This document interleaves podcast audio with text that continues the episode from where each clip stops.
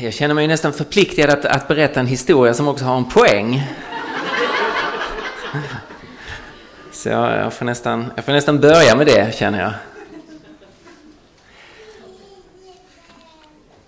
Det var en, en stad där det fanns två bröder.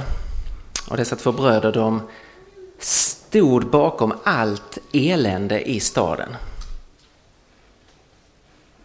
Det var de som styrde den undre världen, det var kriminaliteten, det var härrörde ytterst sett från dem, eh, droghandeln, prostitutionen.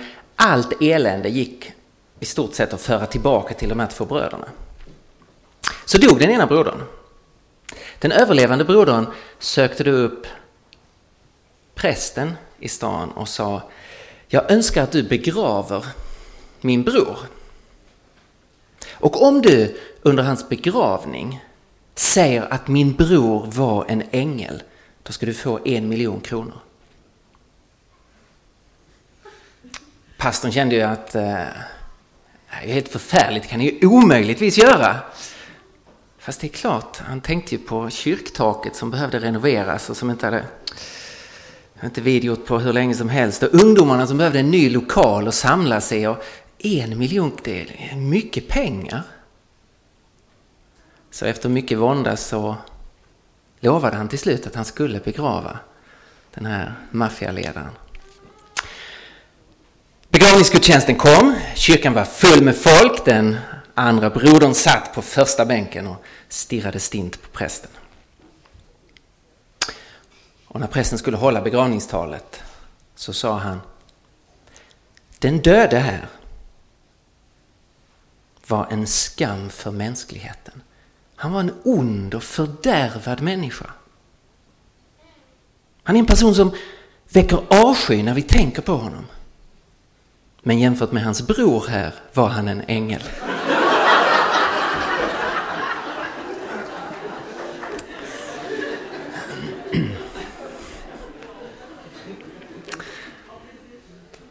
Ja. Just det, hur det här kopplar till kvällens föredrag har jag ingen aning om. Jag bara kände den moraliska förpliktelsen att faktiskt berätta en historia till slut. Den här kvällens tema är Varför ska vi bry oss? Om kristet samhällsengagemang. Och innan vi kastar oss in i det, låt oss be att Herren ska göra det här till någonting meningsfullt för oss. Herre, tack för att du är livets Gud. Tack för att det är du som har skapat den här världen och vill någonting gott med världen och med oss som människor. Tackar dig för att du inte har gett upp med världen. Trots allt elände och all trasighet som nu präglar din värld.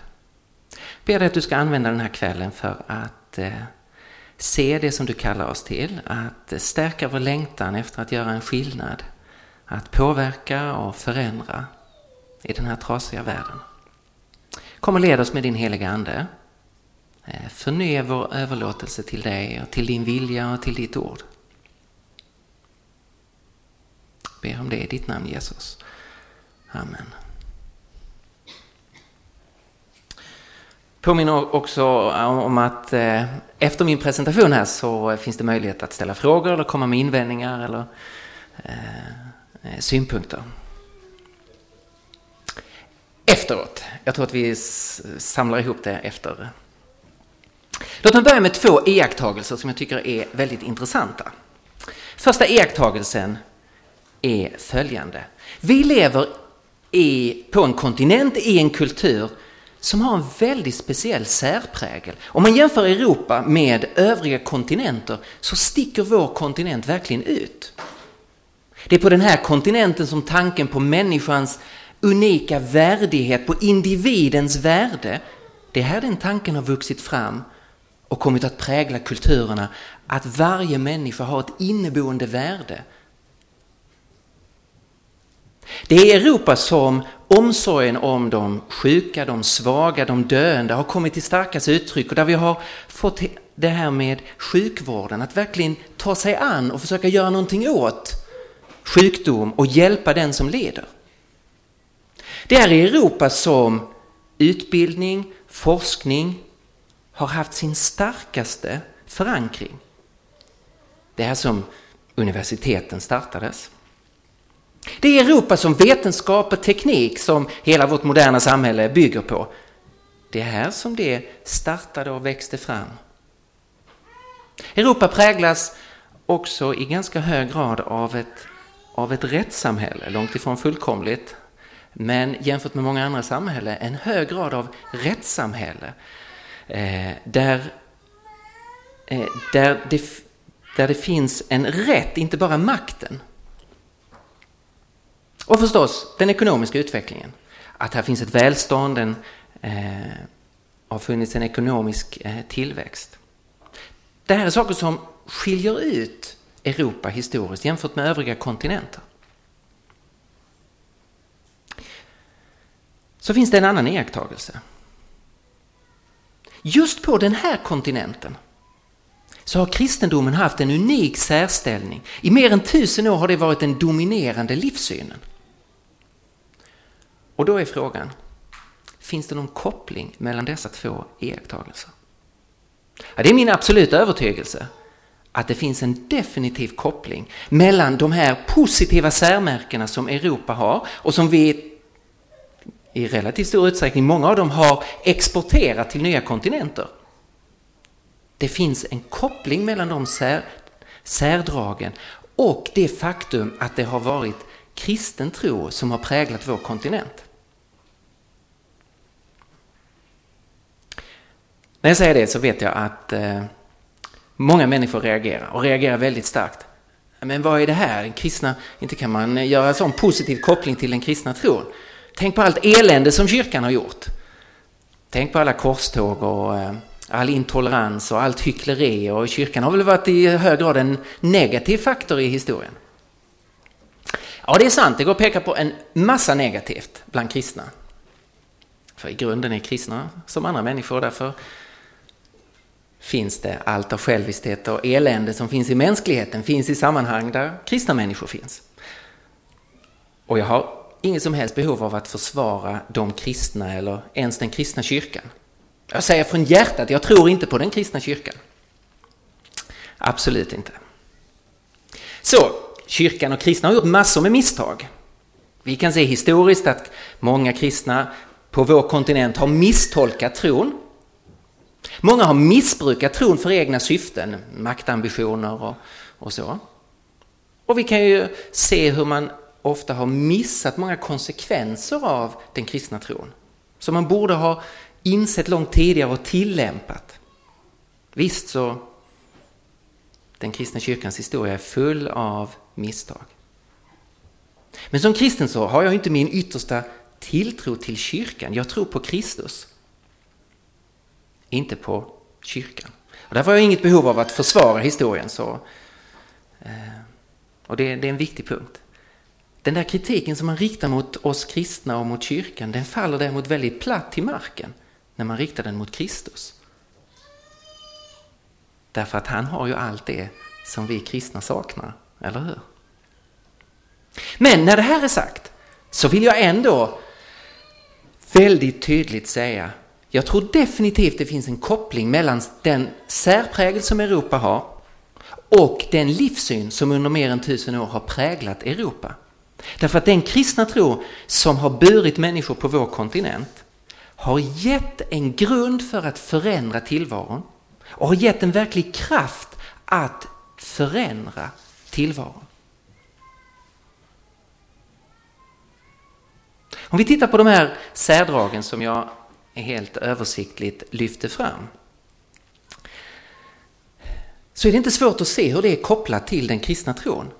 Tron på den individuella människans värdighet, att varje människa oavsett kön och status och klass och rikedom har ett värde. Det går att föra tillbaka till tanken på att vi är skapade till Guds avbilder. Att vårt, vår yttersta identitet är att vi är Guds avbilder. och därför har vi ett okränkbart värde oavsett alla andra faktorer. Om vi är friska eller sjuka, om vi är starka eller svaga, om vi är lyckade eller misslyckade, om vi är nyfödda eller döende. Människans värdighet har sin förankring i tron på att vi är Guds avbilder. Sjukvården, ja den är i väldigt hög grad motiverad historiskt av att vi inte ska acceptera sjukdom. Därför att det är inget som är en ursprunglig Guds vilja. Det är en följd av synden, av något negativt. Och därför ska vi i den mån det går göra någonting åt det, försöka lindra och försöka läka och försöka hjälpa den som är drabbad av sjukdom. Man har inte det fatalistiska perspektivet av att det som sker måste ske. Eller det som är, det ska vara på det sättet.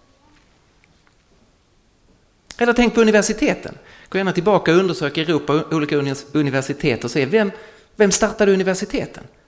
Ja, det var kristna människor. Som läste Bibeln, trodde på Gud och sa vi vill försöka förstå den här världen som Gud har skapat. Vi vill försöka få en sammanhängande kunskap om den världen vi är en del av och som Gud har skapat. Och så startade man universitet där man skulle försöka sammanfatta den mänskliga kunskapen. Eller se på vetenskap och teknik. Copernicus och Galileo och Newton och Kepler och Boyle och många av de föregångsmännen inom naturvetenskapen Ja, de var kristna, motiverade sin forskning med att man ville följa Guds tankar i spåren. Att man ville läsa i båda Guds böcker, Bibeln, Guds skrivna bok, och skapelsen, som också man såg som en Guds bok som man skulle försöka förstå och läsa. Och man visste ju att Gud har kallat oss människor att lägga jorden under oss och råda över den. Ska vi råda över jorden behöver vi förstå den det som vetenskapen sysslar med, försöka förstå och sen lägga den under oss. Det som teknik handlar om. Eller tänk på rättssamhället. Utifrån ett kristet samhälle så är det inte makten som har rätt. Det är inte att kungen är lag, rex lex. Det är inte kungen som är lag, alltså att den som har makten är den som bara kan bestämma vad som gäller. Nej, det är lagen som är kung. Alltså det finns en lag som står över varje makthavare och om en makthavare väljer att agera i motsats till den lagen så kan man kritisera den makthavare, kung eller president eller statsminister eller vad han eller hon än är. Därför att lagen är kung, det är inte kungen som är lag. Eller den ekonomiska utvecklingen.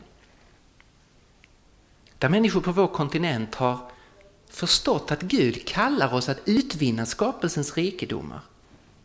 Att Gud vill att vi ska utvinna välstånd.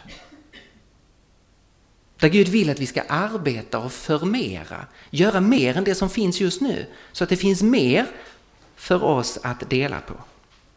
På punkt efter punkt kan man se att det som är särprägel i vår kultur är inspirerat av en kristen förståelse av tillvaron.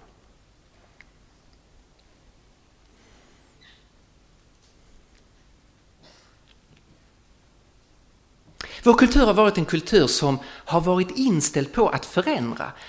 Att inte bara böja sig under det som är, utan förändra situationen. Och det här är en väldigt väsentlig punkt för hur en kultur utvecklas om man är inställd på att förändra eller om man underordnar sig status quo, alltså eh, bara böjer sig under dem, de rådande omständigheterna. I Europa har man tänkt, vi är Guds förvaltare. Gud har gett oss den här planeten. Vi ska förvalta den. Det som inte är bra nu måste vi förändra. Vi måste ta ansvar och gå in i ett aktivt förhållningssätt till det vi har runt omkring oss. Man har haft ett väldigt tydligt moraliskt perspektiv. Saker och ting kan vara gott eller ont. Det kan vara bra eller dåligt och vi måste ta ställning. Om vi vill ta vår kallelse som Guds skapelse på allvar måste vi ta ställning och gå emot det som är ont och försöka stärka det som är gott. Man har haft ett, en speciell syn på historien. Man har haft en linjär historiesyn det har ju med ordet linjal att göra, att man tänker i en linje. Alltså att Gud har placerat oss människor på den här planeten och sen går historien. Och en dag kommer Gud att fråga oss, vad har vi gjort? Av vårt liv och av den här planeten. Och fram till den dagen så har vi en kallelse att försöka göra det goda. andra kulturer så har man ett, i vissa kulturer har man ett väldigt tydligt cykliskt historiesyn där saker och ting hela tiden går runt och allting kommer tillbaka. Och då spelar det ju ingen roll vad man gör just nu för den här punkten kommer ju tillbaka oändligt många gånger. I en del kulturer så är man väldigt fixerade bakåt mot historien, mot förfäders andar. Man, man går med ryggen mot framtiden och tittar bakåt. Vilket innebär att hur saker och ting utvecklas är inte viktigt, bara hur det har varit.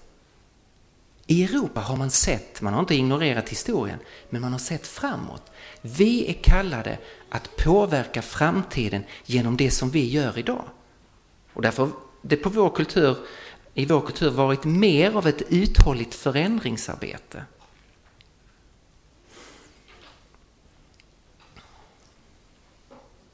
Om man ska ta det här riktigt systematiskt, varför ska en kristen bry sig om samhället? Om hur kulturen utvecklas? Som jag ser det finns det ett antal väldigt grundläggande motiveringar som berör varje kristen. Varför ska vi bry oss om den här världen? Vi ska bry oss därför att vi tror på en personlig Gud. Vår yttersta övertygelse är ju att det som alltid har funnits är en person som älskar, som agerar, som kommunicerar, som är en moralisk Gud, en god Gud. Alltså han är inte likgiltig, han är inte indifferent, han är helig, han är rättvis, han är god. Och han är den yttersta faktorn för allt. Det innebär att det finns ingen neutralitet eller ingen yttersta likgiltighet i universum. Om man bryr sig om Gud måste man bry sig om den här världen. Annars har man inte förstått vem Gud är. Gud är inte likgiltig inför vad som sker på det här jordklotet eller i olika kulturer.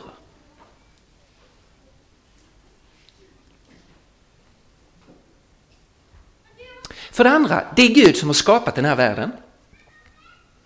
Och han har ursprungligen skapat en god och så har han gett den till oss. Det är vårt hem och den är vårt ansvar. Det finns en historisk bakgrund till det här uttrycket att Gud skapar människan till sin avbild. I Främre Orienten, så när kungar hade erövrat ett nytt landområde, så reste de statyer över sig själva som en synlig symbol för att nu är det jag som regerar över det här området. Så fanns det statyer av de egyptiska och babyloniska kungar eh, i olika områden. Det ordet som man använder för de statyerna är det som första Mosebok använder om att vi är Guds avbilder. Vi är en sån här representation av Gud och det signalerar då att vi är Guds viceregenter över den här planeten. Han har placerat oss här så att vi har ansvar för den här underbara planeten. Det är här vi hör hemma, det är vårt hem och vi har ansvar för vad som sker här. För det tredje. Som kristna så tror vi att det har skett en avgörande katastrof tidigt i mänsklighetens historia. Att människan har brutit med den Gud som har skapat oss. Och att det, det relationsbrottet har påverkat oss som människor och också den här skapelsen i någon mån. Att det har gjort världen trasig. Att vi är trasiga som människor, att sjukdom och död finns och att världen på något sätt är ur led, är lagd under förgängelsen om vi citerar Paulus. Den här världen är trasig. Den är inte så sådan den ursprungligen var när den framgick ur Guds hand. Och det här innebär något väldigt viktigt. Det ondska och det lidande och det den orättvisa som finns i världen nu är inte ett uttryck för Guds vilja och är därför inget man ska böja sig under. Den som är kristen kan gå emot det onda utan att gå emot Gud.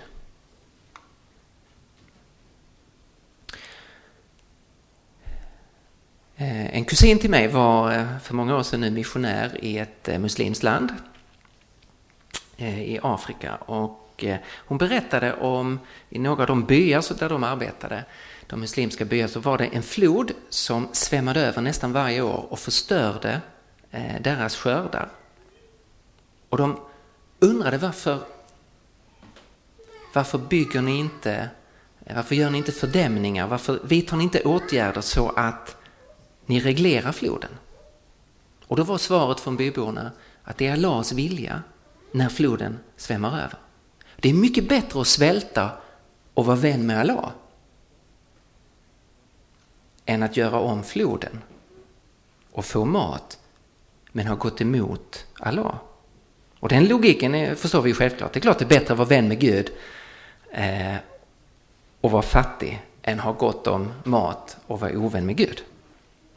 Men samtidigt är det ju djupt tragiskt. En sån fatalistisk syn att allt som sker i världen är ett uttryck för Gud och därmed någonting som man är rädd för att gå emot eller ändra.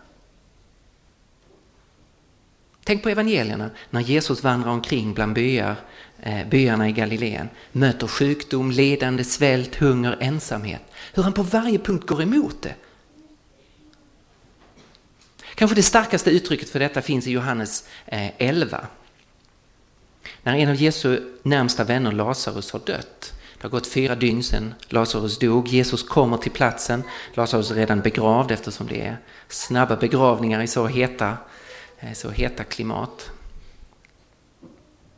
Och när Jesus står där utanför graven till sin nära vän så står det att han vredgas i sitt innersta. Det står att han gråter. Jesus vredgas över döden. Och då ska vi tänka på vem det är som står där. Det är Gud själv som vredgas över döden utan att bli arg på sig själv. Jesus går emot sjukdom och lidande och död därför att det är en följd av syndafallet. Inte en följd av hur Gud vill det ska vara. Och Det här är ett väldigt viktigt motiv för den kristne, att vi kan veta att vi kan gå emot allt det som är ont utan att gå emot Gud. För det fjärde, om vi ser på det som Gud har sagt till oss som människor. Det största budet enligt Jesus det är ju att vi ska älska Gud över allting och vår nästa som oss själva. Ja, det är ju förstås en, en enorm uppmaning till förändring, eller hur? Vi ser människor som befinner sig i nöd. Om vi hade befunnit oss i den situationen hade vi önskat att människor gjorde någonting för oss, eller hur? Och nu ska vi älska vår nästa som oss själva. Kan också se på, på eh, om vi tar budorden som ju ofta är formulerade negativt, du ska inte göra. Så är allt det, eh, det som vi inte ska göra, även om själva den språkliga formuleringen är negativ, så handlar det om att slå vakt om det mänskliga livet. Vi ska inte döda, vi ska inte bryta sönder äktenskap, nära relationer. Vi ska inte stjäla, vi ska inte låta våra ord bryta ner.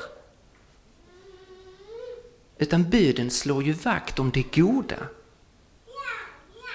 Och det här, det här är ju förstås en kallelse till oss att slå vakt om det goda på alla möjliga plan.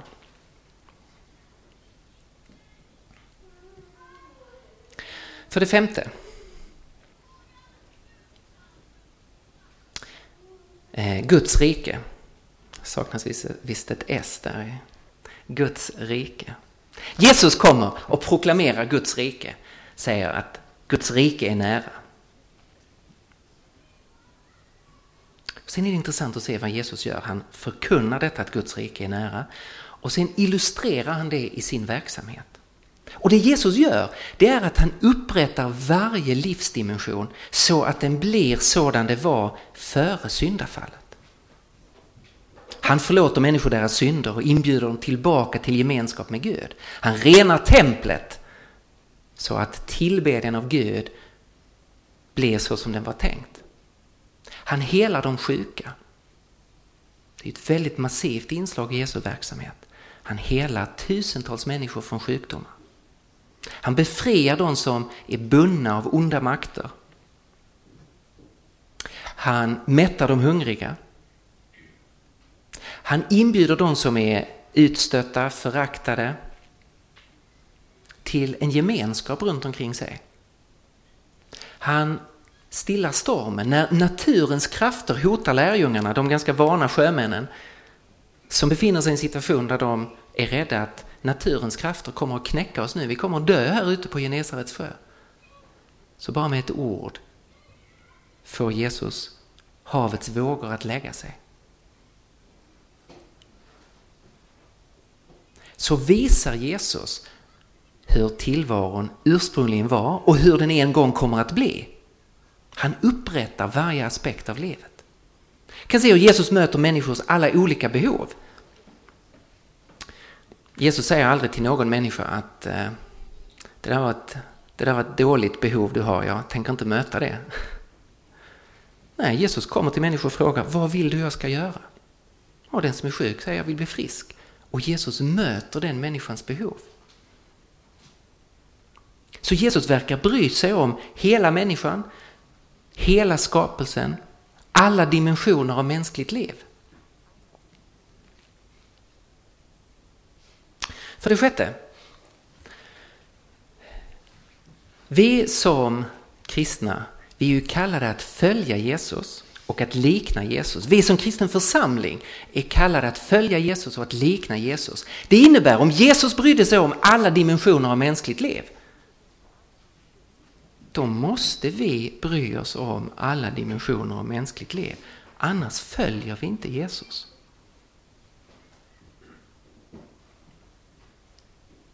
Det är ju inte detsamma som att, att, att säga naivt, därför, därmed kan vi göra allt det som Jesus gjorde. Vi är inte Guds söner eller döttrar i den meningen som Jesus var Guds son. Och därför kan vi inte, har vi inte i oss själva den kraften att hela alla sjuka som vi möter, vilket Jesus hade. Så jag säger inte att vi kan göra allt det som Jesus gjorde. Men jag säger att om vi vill följa Jesus, då måste vi ha samma sorts intresse som Jesus hade.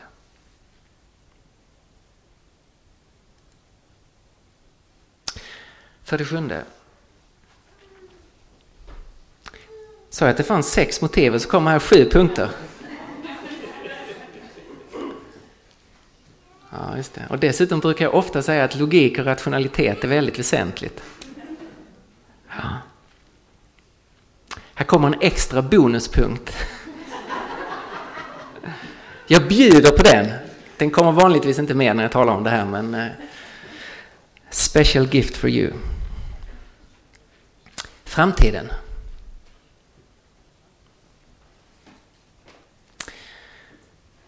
När vi kristna tänker på framtiden så, så är det en hel del eh, kristna som tänker om framtiden att det kristna hoppet är en form av evakuering. Att vi ska evakueras från den här jorden till himlen. Jag tror att det är inte ett fullt ut bibliskt eh, synsätt.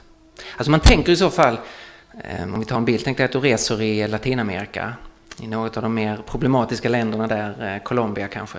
Och du blir kidnappad av någon av de många små eh, militära grupperingar som finns där, förd ut i, i djungeln och du sitter fängslad där. Vad längtar du då efter?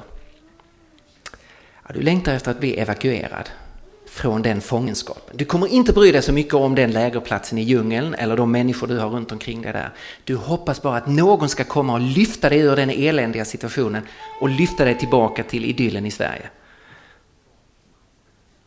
Och jag vet inte om du kan sätta så stort hopp till den svenska regeringen. Du får kanske hoppas på att USA ska gripa in. Eller? Jag vet inte. Men i vilket fall så kommer du att längta efter att bli evakuerad.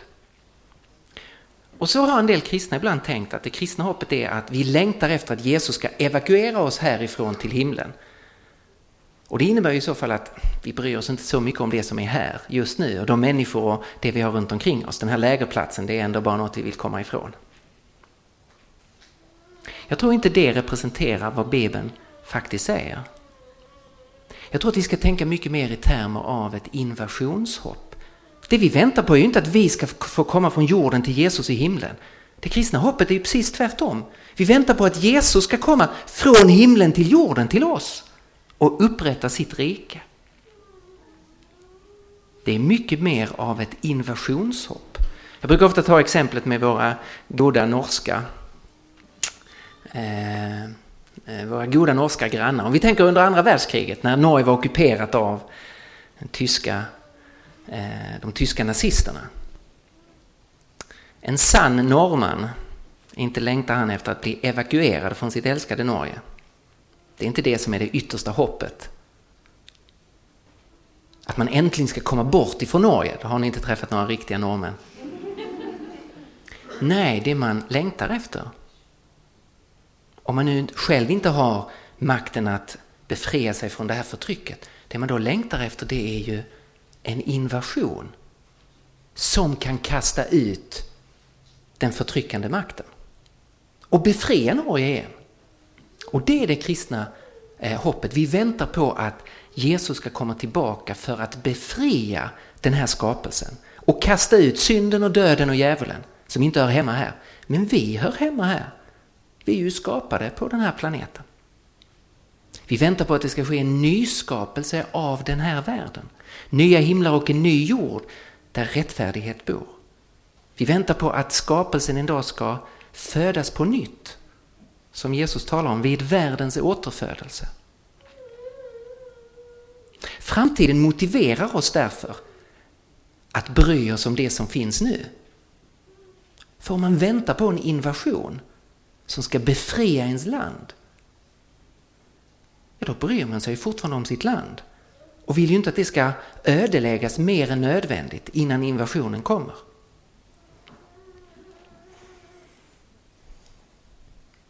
Min poäng här är att varje del av den kristna tron motiverar engagemang för den här världen.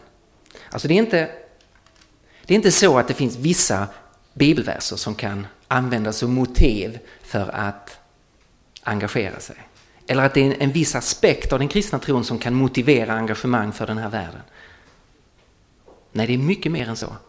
Varje del av den kristna tron, vilken aspekt man än tittar på av den kristna tron, så ger den oss ett motiv för att bry oss om den värld och den kultur och det samhälle som vi är en del av.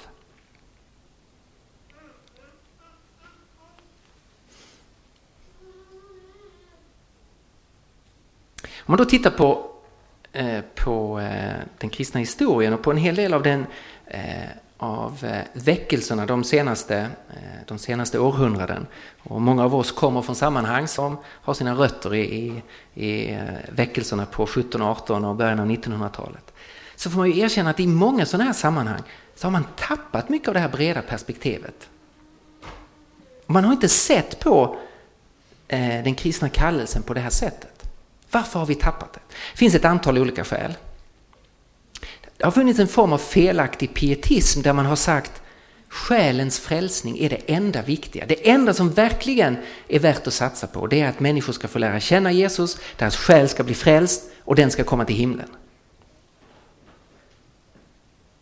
Och jag tror att det är en eh, felaktig eh, reduktion av kristen tro, en felaktig pietism.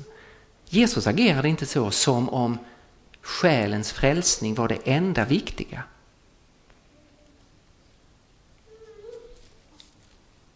Det har funnits en felaktig eskatologi, alltså lära om de yttersta tingen. Att man har tänkt den här världen ska ändå bara gå under och vi ska evakueras till himlen. Alltså varför bry, bry sig om det här undergångs, den här undergångsplaneten? Låt den gå under, vi har andra saker att göra. För några har det handlat om en, en felaktig helighetssträvan. Man har velat leva ett heligt liv, inte leva i synd, man har velat ära Herren och då har man ju sett att det finns så mycket synd och orenhet i världen. Och då har man flytt världen och tänkt om jag isolerar mig från världen så kan jag leva ett heligare liv och därmed behaga Herren. Men jag tror att det är en väldigt felaktig strategi. Det behagar inte Herren att vi isolerar oss. Det behagar Herren att vi lever i helighet och renhet. Men inte att vi gör det genom att försöka fly världen. Dessutom går aldrig det därför att det här orena sitter inte bara utanför oss, det sitter ju också i oss, eller hur? Vi har den gamla människan. Och när kristna därför försöker isolera sig från världen i hopp om att bli rena, så drar de alltid förfärlig massa orenhet med sig, eller hur? Till sin lilla isolerade klubb. Så det funkar ändå inte.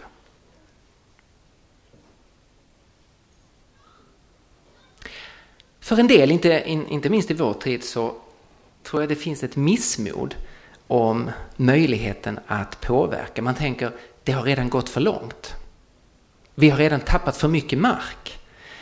Eh, avståndet mellan församlingen och den omgivande kulturen är redan för stort. Det går inte att göra någonting. Så man ger upp och tänker jag lever mitt liv, jag finns med här i församlingen men världen det, det har gått för långt. Ja, ett, ett antal eh, anledningar till att vi ofta, allt för ofta har tappat det här samhällsengagemanget. Ytterligare en punkt som, som jag tror där vi har, eh, har låtit oss bli lurade det är att vi i för hög grad har accepterat det sekulära som någonting neutralt. Jag tror att vi har missat att se eh, att det pågår en verklig strid på livssynsområdet. Vi ger ett längre citat från en idéhistoriker, en svensk idéhistoriker som, men som jobbar på eh, Roskilde universitet i Danmark. Eh, han är inte kristen, han är väldigt kristendomskritisk. Eh, han skrev så här i en, i en artikel, jag vet inte om ni kan läsa den lilla texten. Det som kännetecknar vår tid, det var det här. Religionen förvisas från det offentliga livet till det privata. Man får tro vad man vill inom hemmets väggar, men på torget där man möts för att överlägga om de allmänna angelägenheterna är det inte tron eller uppenbarelsen som gäller utan blott eh, argumentet. I vår historieskrivning framställer vi denna förändring som en stor triumf. En ny mentalitet som banar väg för ett tolerantare, friare, mänskligare och mer dynamiskt samhälle och ett samhälle som öppnar sig för de många och små människornas behov och önskningar. Alla har fortsatt sin fulla rätt att i det privata livet tillbe vilka gudar han vill, äta och klä sig som han önskar och hylla vilka ideal som helst. Men i det offentliga livet och handlandet måste varje gud, varje ideologi och varje heligt värde ge vika för det sekulära förnuftets herravälde. Ja, det är ord och inga visor. I alldeles för hög utsträckning har vi accepterat det här perspektivet. Han framställer det ju här så som att det finns en mängd religioner, en mängd ideologier, en mängd värderingar. Det får var och en ha precis som man vill. Men sen finns det något fullständigt neutralt, nämligen det sekulära förnuftets herravälde. Det är ingen ideologi, det är ingen värdering, det är fullständigt neutralt. Och det är väldigt bekvämt för eh, Håkan Arvidsson eftersom det råkar vara hans religion som han då ger absolut förkörsrätt och menar att alla ska acceptera som neutralt. Och här tror jag vi har gjort ett misstag att vi har gått på det i för hög utsträckning.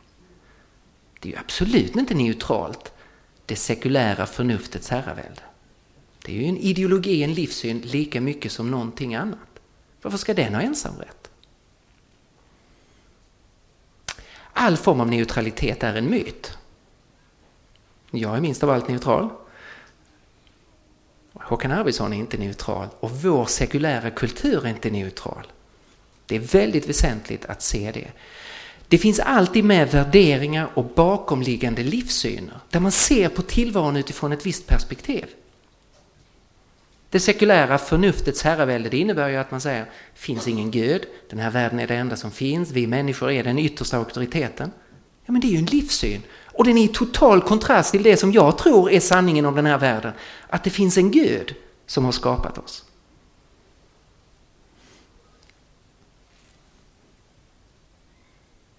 Alla uppfattningar har ideologiska rötter. Det finns ingen anledning därmed att just kristna eller traditionellt religiösa uppfattningar därför ska uteslutas. Vi ska absolut inte göra om Håkan Arvidssons misstag och säga vårt perspektiv är det enda som får lov att finnas.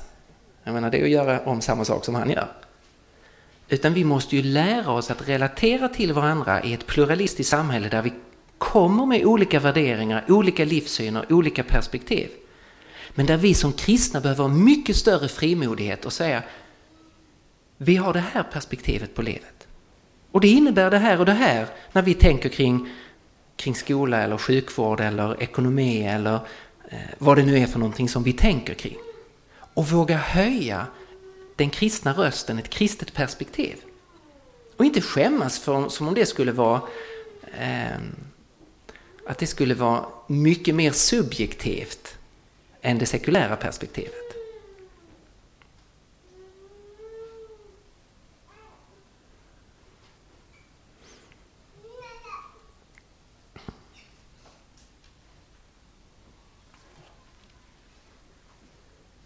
Kristologin, det är ju läran om Kristus. Det finns en, eh, och läran om Kristus, den centrala kristna läran om Kristus, det är ju att Jesus Kristus är sann Gud, fullt ut Gud, delaktig av Guds väsen i all evighet. Eh, Gud. Och han är fullt ut människa. Verklig människa. Att Kristus har två naturer. En gudomlig, evig natur och en fullt ut mänsklig natur. När man i kyrkans historia har försökt diskutera det, hur ska vi förstå att Kristus har två naturer?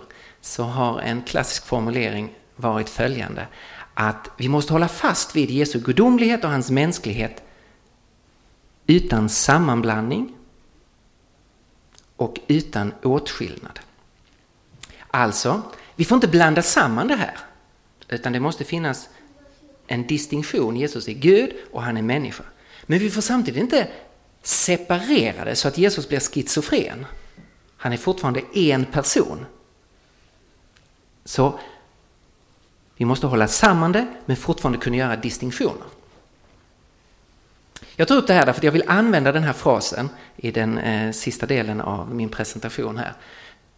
Därför jag tror att den är användbar när vi ska tänka kring Eh, förhållandet mellan eh, samhällsengagemang och evangelisation.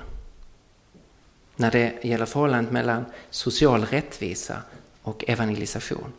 Att vi ska tänka om det utifrån den här terminologin utan sammanblandning men också utan åtskillnad.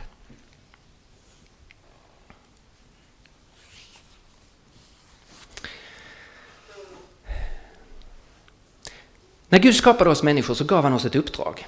Vi kan läsa i kapitel 1 och 2 i Första Mosebok om skapelseuppdraget eller om kulturuppdraget som vi ibland kallar det. Kultur det handlar ju om odling, själva ordet kultur betyder odling. Det Gud kallar oss som människor till det är att odla upp de möjligheter som Gud har lagt ner i skapelsen och lagt ner i oss. Jag ska notera det att skapelsen var god, men den var inte färdig. Gud hade inte odlat upp åkrarna. Gud hade inte byggt hus. Gud hade inte skrivit alla böcker som kunde skrivas. Det fanns inte en encyklopedi med all kunskap om universum i någon sorts bibliotek som Gud introducerade för människan. Eller hur? Gud skapade människan och så sa han råd över det här, lägg den här skapelsen under er, bruka den och bevara den. Här är en kallelse att odla upp möjligheterna.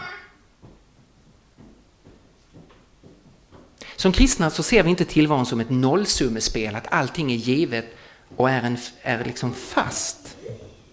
Vi har en mycket mer dynamisk syn på tillvaron. Det här är en tillvaro som är laddad med möjligheter från Gud. Och vi ska frigöra och förverkliga de möjligheterna. Vi är laddade med möjligheter. Gud har gett oss gåvor, förmågor, egenskaper som vi är kallade att odla och förverkliga dem. Man kan odla upp sin förmåga att spela piano som Karl har gjort. Han har odlat upp många förmågor. Då har man gått in i kulturuppdraget och odlat upp en möjlighet som Gud har lagt ner i oss. Och så är våra liv fulla av möjligheter som vi kan odla och förverkliga. Utifrån skapelseperspektivet så ska rikedomar på alla plan frigöras. Därför ska man som kristen ha en väldigt positiv eh, inställning till ekonomisk utveckling och tillväxt. Välstånd fanns inte från början. Utan det är någonting som vi är kallade att skapa genom att frigöra de möjligheter Gud har lagt ner i skapelsen. Det här är kulturuppdraget. Gud kunde ha gjort en värld där allt var färdigt. Och så kunde han satt upp en hängmatta och sagt till människan, vila dig. Men Gud var fri att göra precis vad han ville. Gud valde en annan sorts värld där vi skulle bli hans medarbetare.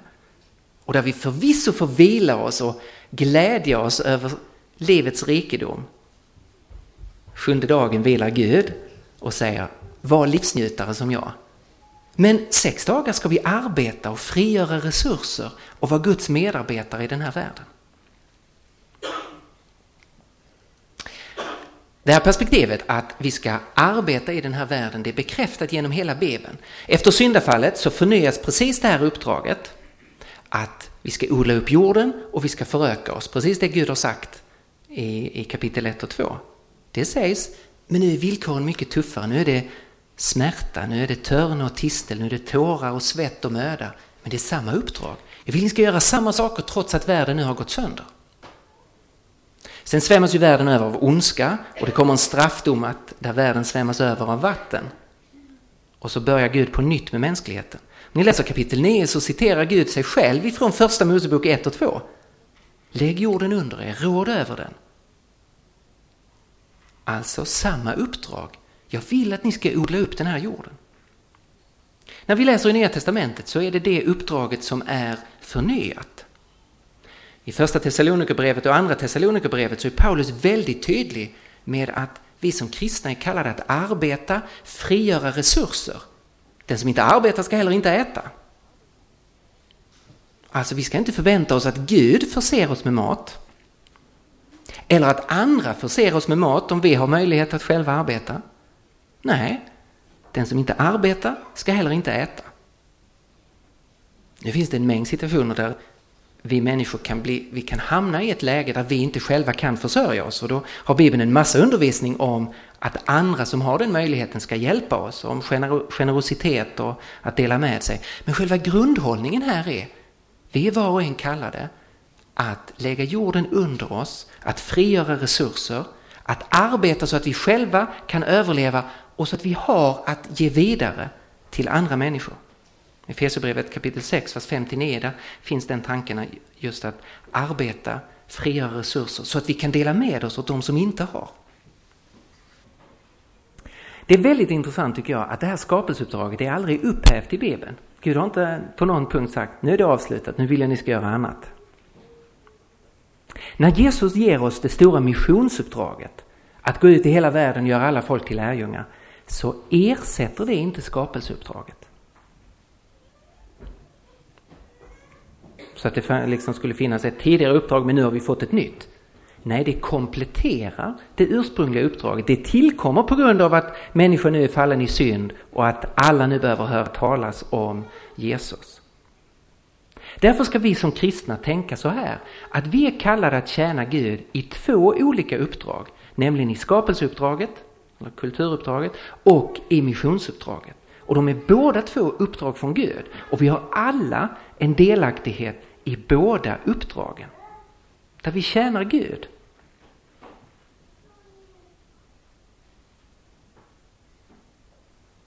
Vilket uppdrag man kommer att lägga mest av sin tid på det är en fråga om vad Gud individuellt kallar dig och mig till.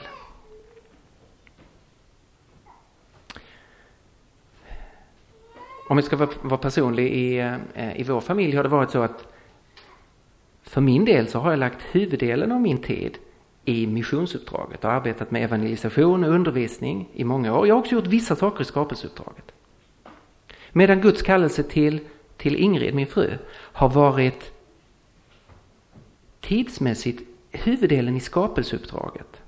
Eh, som lärare och nu som skolledare. Men delar av tiden i missionsuppdraget. Det här handlar inte om vem som har tjänat Gud mest, utan det handlar bara om att vi har tjänat Gud på olika områden därför att Gud har gett oss olika kallelser. Där vi båda går in och tjänar Gud i de här olika uppdragen.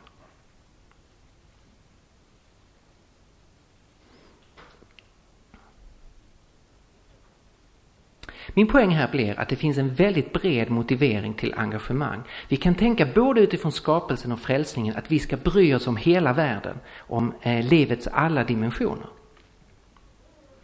Jag tror det är viktigt att vi får in det här i församlingen. Vi ska välsigna inte bara ungdomsledare och missionärer och nya präster och pastorer.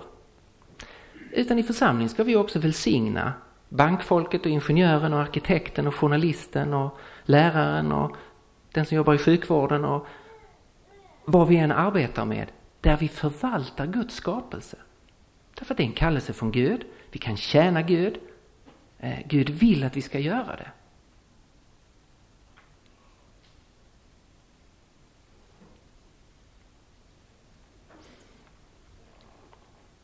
Ordet mission det betyder sändning. Vi är sända av Gud till den här världen. Vi är sända att göra gott och att dela evangeliet. Precis som Jesus gjorde gott överallt han vandrade fram och så inbjöd han människor till Gud. På samma sätt är vi kallade att göra gott. Därför kan en kristen arbeta med allt som tjänar det goda. Och vi är kallade att dela evangeliet. Och vi ska inte spela ut det mot varandra så det blir ett antingen eller. Det är viktigt att vi håller samman dem. Det är båda kallelser från Gud.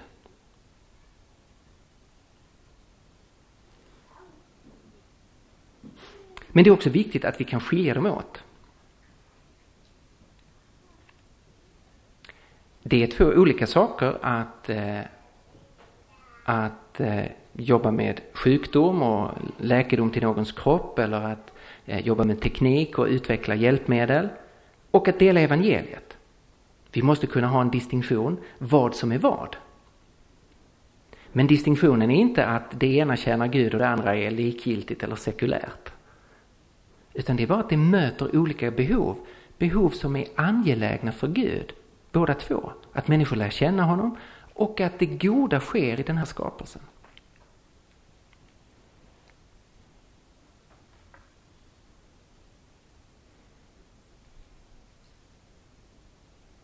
I praktiken så blir det så här att de här två kallelserna är väldigt ofta sammanflätade. Genom att någon går in i skapelseuppdraget och tjänar Gud där så öppnar det sig möjligheter att dela evangeliet där. Som aldrig hade öppnat sig om man inte hade gått in och, och arbetat där.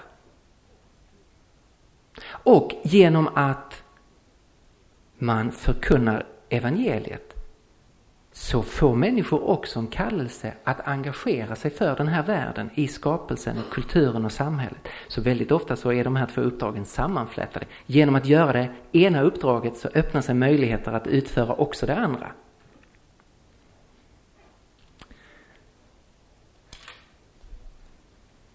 Nu ser jag att eh, min tid har gått. Jag ska bara eh, hoppa lite fram i min presentation så ska vi avrunda det här.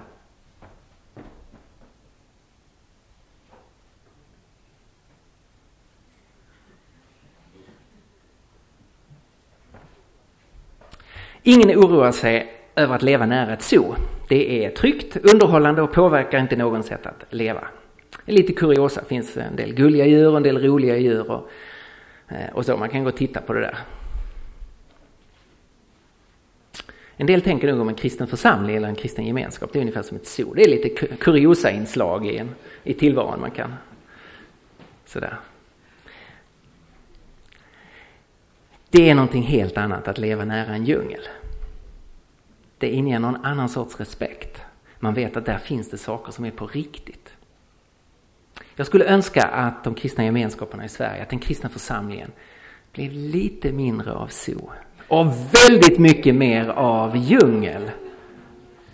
Som skapade både respekt och, men också osäkerhet. För det tror jag skulle behövas lite i vår kultur, att man här finns det krafter som man inte riktigt förstår sig på, som man inte riktigt vet vad det är. Här finns någonting som är på riktigt. Målet för den kristna församlingen är inte att få folk till kyrkan. Jag är inte emot att det kommer mycket folk till kyrkan, det är jättebra. Hoppas verkligen att det ska komma massor med folk till kyrkorna i Sverige framöver. Men det är inte själva målet att det ska finnas jättemycket folk inne i kyrkorna. Målet för den kristna församlingen det är att människor genom församlingens arbete ska följa Jesus ut i världen. Alltså själva inriktningen blir ju då inte in mot kyrkan så att vi kan låsa in alla inom de väggarna. Utan det är ju att det här, kyrkan blir en sändningsplats ut över världen. Att människor lär känna Jesus och börjar vandra med honom ut i, ut i världen och ut i livets alla olika dimensioner och tjänar honom med det som han kallar oss eh, att göra.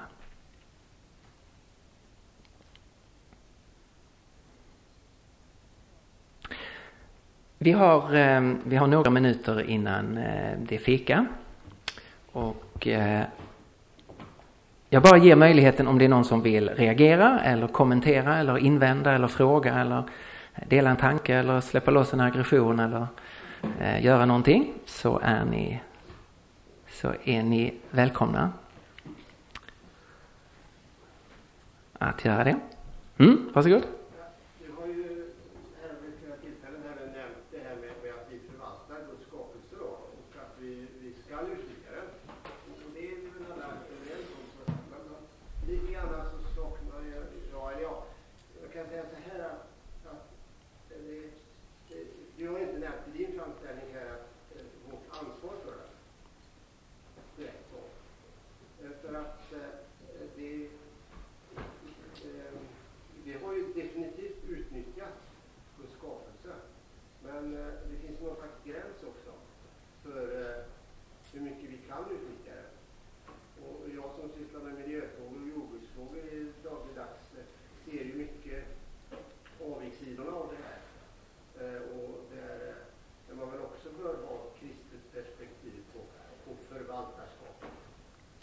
Ja, absolut. Jag är, eh, jag är helt enig och eh, det ligger ju i själva tanken på förvaltarskap och att vi en dag ska redovisa vad vi har gjort med den här planeten.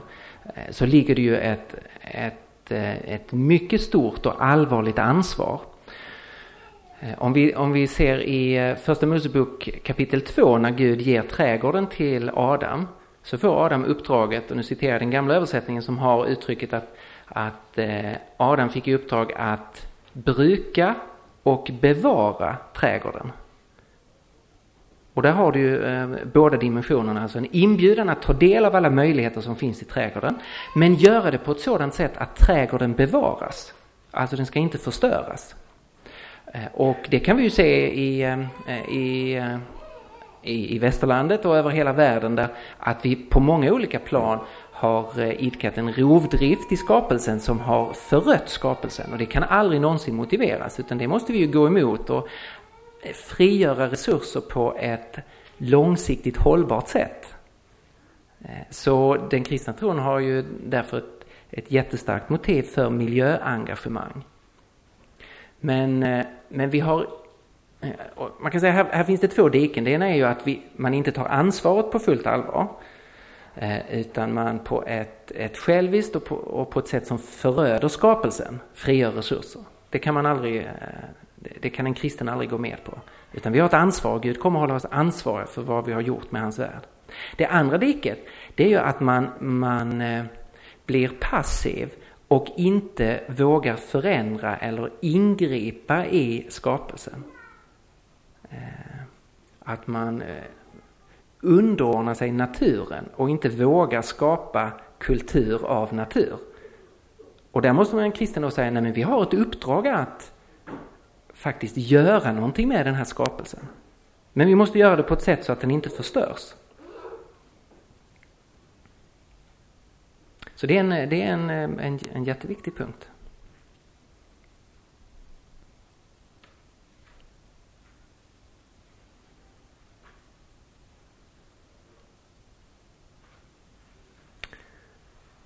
Mm, någon som vill ta upp något? Någonting mer kring den tråden eller ta upp någon, någon ny tankegång? Någon annan? Ja?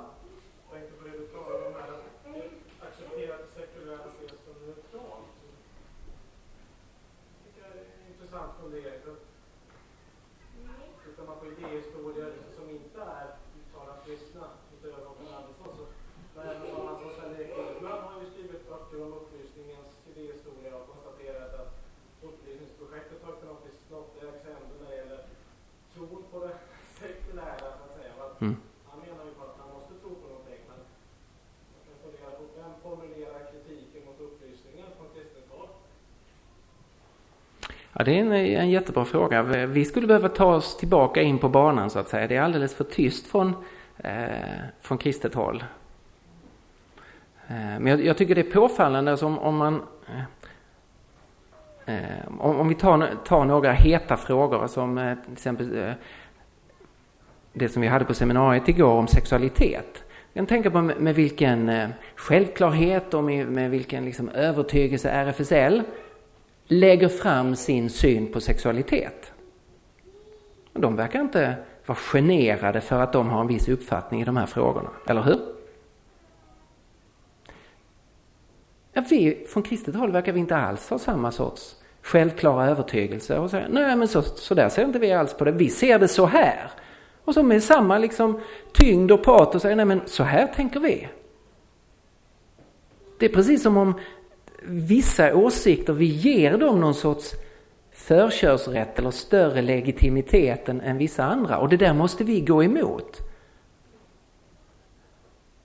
Och liksom komma tillbaka in i samtalet och, och tala eh, ofta, ofta med, finns anledning av, med ödmjukhet och med eh, eh, Alltså, arrogans kommer man inte så långt med i, i, i samtal. Men, men, men den sortens... Eh, men det finns någonting i, i att med självklarhet våga säga ja men det här är också ett sätt att se på de här sakerna. Där vi alldeles för ofta är för generade. Och jag tror att det har att göra med att vi, vi, ehm, vi accepterar att andra uppfattningar har någon sorts naturligare förkörsrätt än det kristna perspektivet.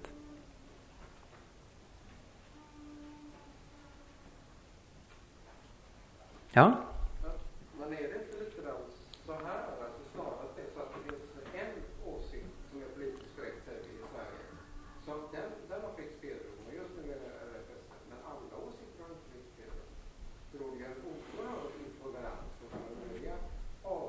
Mm.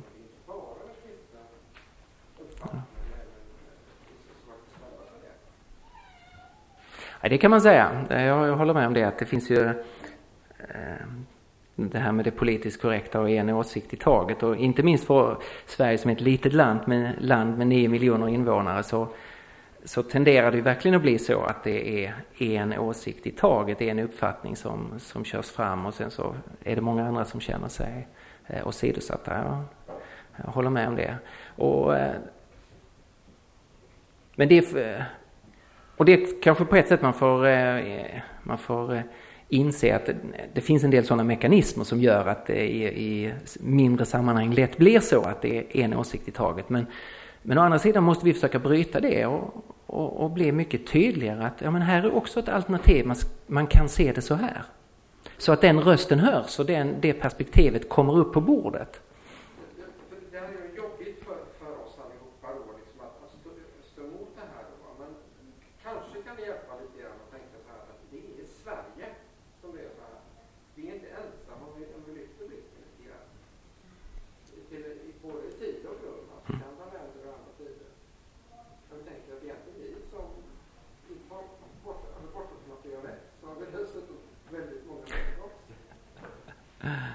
Jo, det kan man säga. Det är... Eh, ofta kan den som är kristen känna sig väldigt udda här i Sverige, medan globalt sett så är det Sverige som är väldigt udda i, i en mängd frågor och eh, norra Europa kan vara väldigt udda i en, en del uppfattningar. Så att eh, om man ser mänskligheten som helhet eh, så, så ser det väldigt annorlunda ut.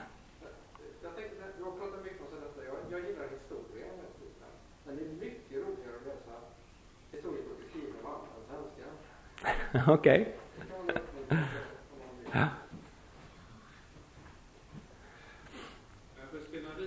Mm.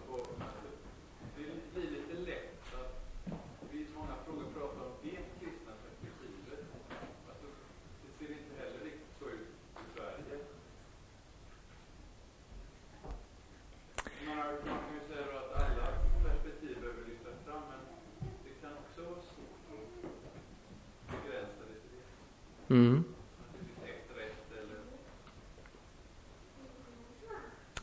Eh, nej, det är sant och det kanske var, kan ha varit en, en, en eh, olycklig formulering för mig för det, det finns en hel del frågor där, eh, där man kanske inte kan, kan säga så entydigt.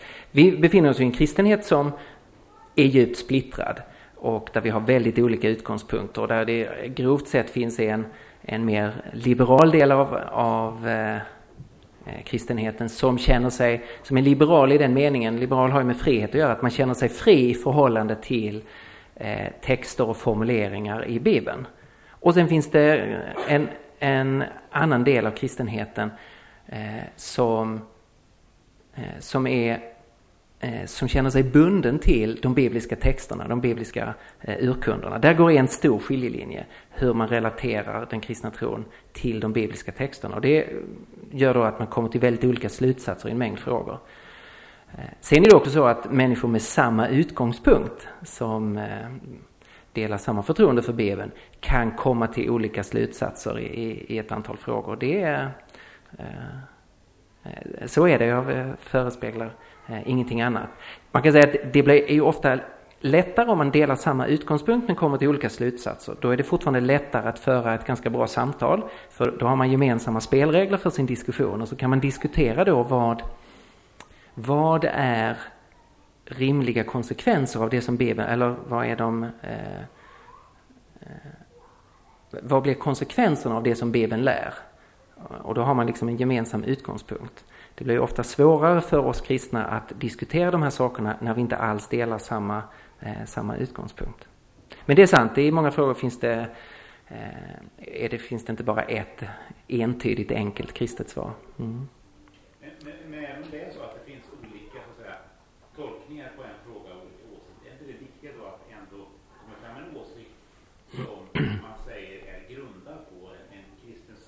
mm. syn så att säga. Så att det, det, finns något som ändå representerar att, att man överhuvudtaget kan ha den, eh, den värdegrunden att, att grunda sin, sin åsikt på. Va?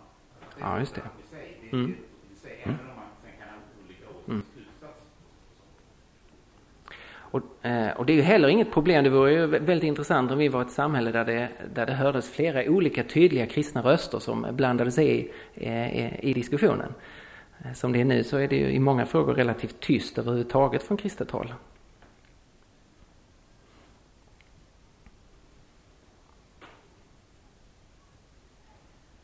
Mm?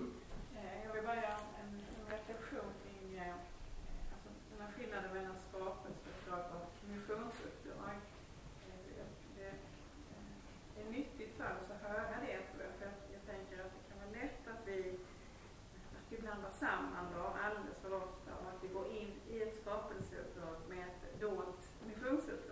Mm. Jag ska gå in i den och den verksamheten där jag bor. Så kanske jag får chans att berätta om Jesus för dem. Ja, just det. Mm. Medan ehm, jag tänker att det är viktigt att se det som ett eh, uppdrag i sig. Att det har ett värde och att, mm. att inte förringa det för sig själv heller. Och om Gud öppnar möjligheten så gör han det och gör han det inte så är det fortfarande lika viktigt för ja.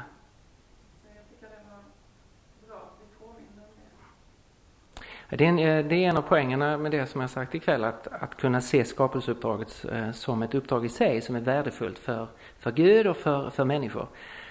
Eh, för, för många år sedan så satt jag i en långt, långt, långt samtal med en, en student som brottades med de här frågorna.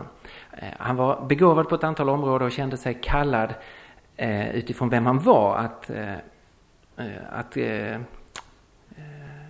skaffa sig en viss utbildning och börja jobba inom ett visst område. Men så kände han att han ville ju vara en lärjunge till Jesus och då borde han bli missionär. Om han nu verkligen skulle ta sin tro på allvar, då skulle han inte gå den här utbildningen utan då skulle han utbilda sig till missionär och så dela evangeliet. Eh, och han kände att ah, han är tvungen att göra det för det är det, det som ytterst sett betyder någonting. Det andra som han då helst ville göra, det, det kunde aldrig matcha det där. Vi pratade om det och jag försökte visa att ja, men skapelseuppdraget är ett uppdrag från Gud. Du, du kan med frimodighet gå in i det om du, eh, när du känner den här kallelsen. Han, hade, han kunde inte ta in det. Vi diskuterade i flera timmar och så till slut så, så sa jag så här. Men tänk dig så här, tänk dig att du blir missionär och tänk dig att, att alla som blir kristna faktiskt väljer att bli missionärer och satsar helhjärtat på att sprida evangeliet. Och låt oss bara tänka så att Gud välsignar de här valen så, så att fler och fler blir kristna och alla som blir kristna blir missionärer. Och, och, och, och låt oss bara tänka att till, till slut så har faktiskt hela jorden blivit kristna. Alla har blivit kristna eftersom alla som blir kristna blir missionärer och sprider evangeliet och så välsignar Gud det. Skulle det bli en situation där det skulle höjas lovsång till Gud på den här planeten? Nej. Det skulle bli fullständigt förfärligt. Därför att vi, ingen skulle längre kunna jobba som läkare, ingen visste någonting om sjukdomar för ingen har utbildat sig till läkare. Mänskligheten skulle svälta Därför att ingen odlade upp jorden och ingen visste hur man får fram mat.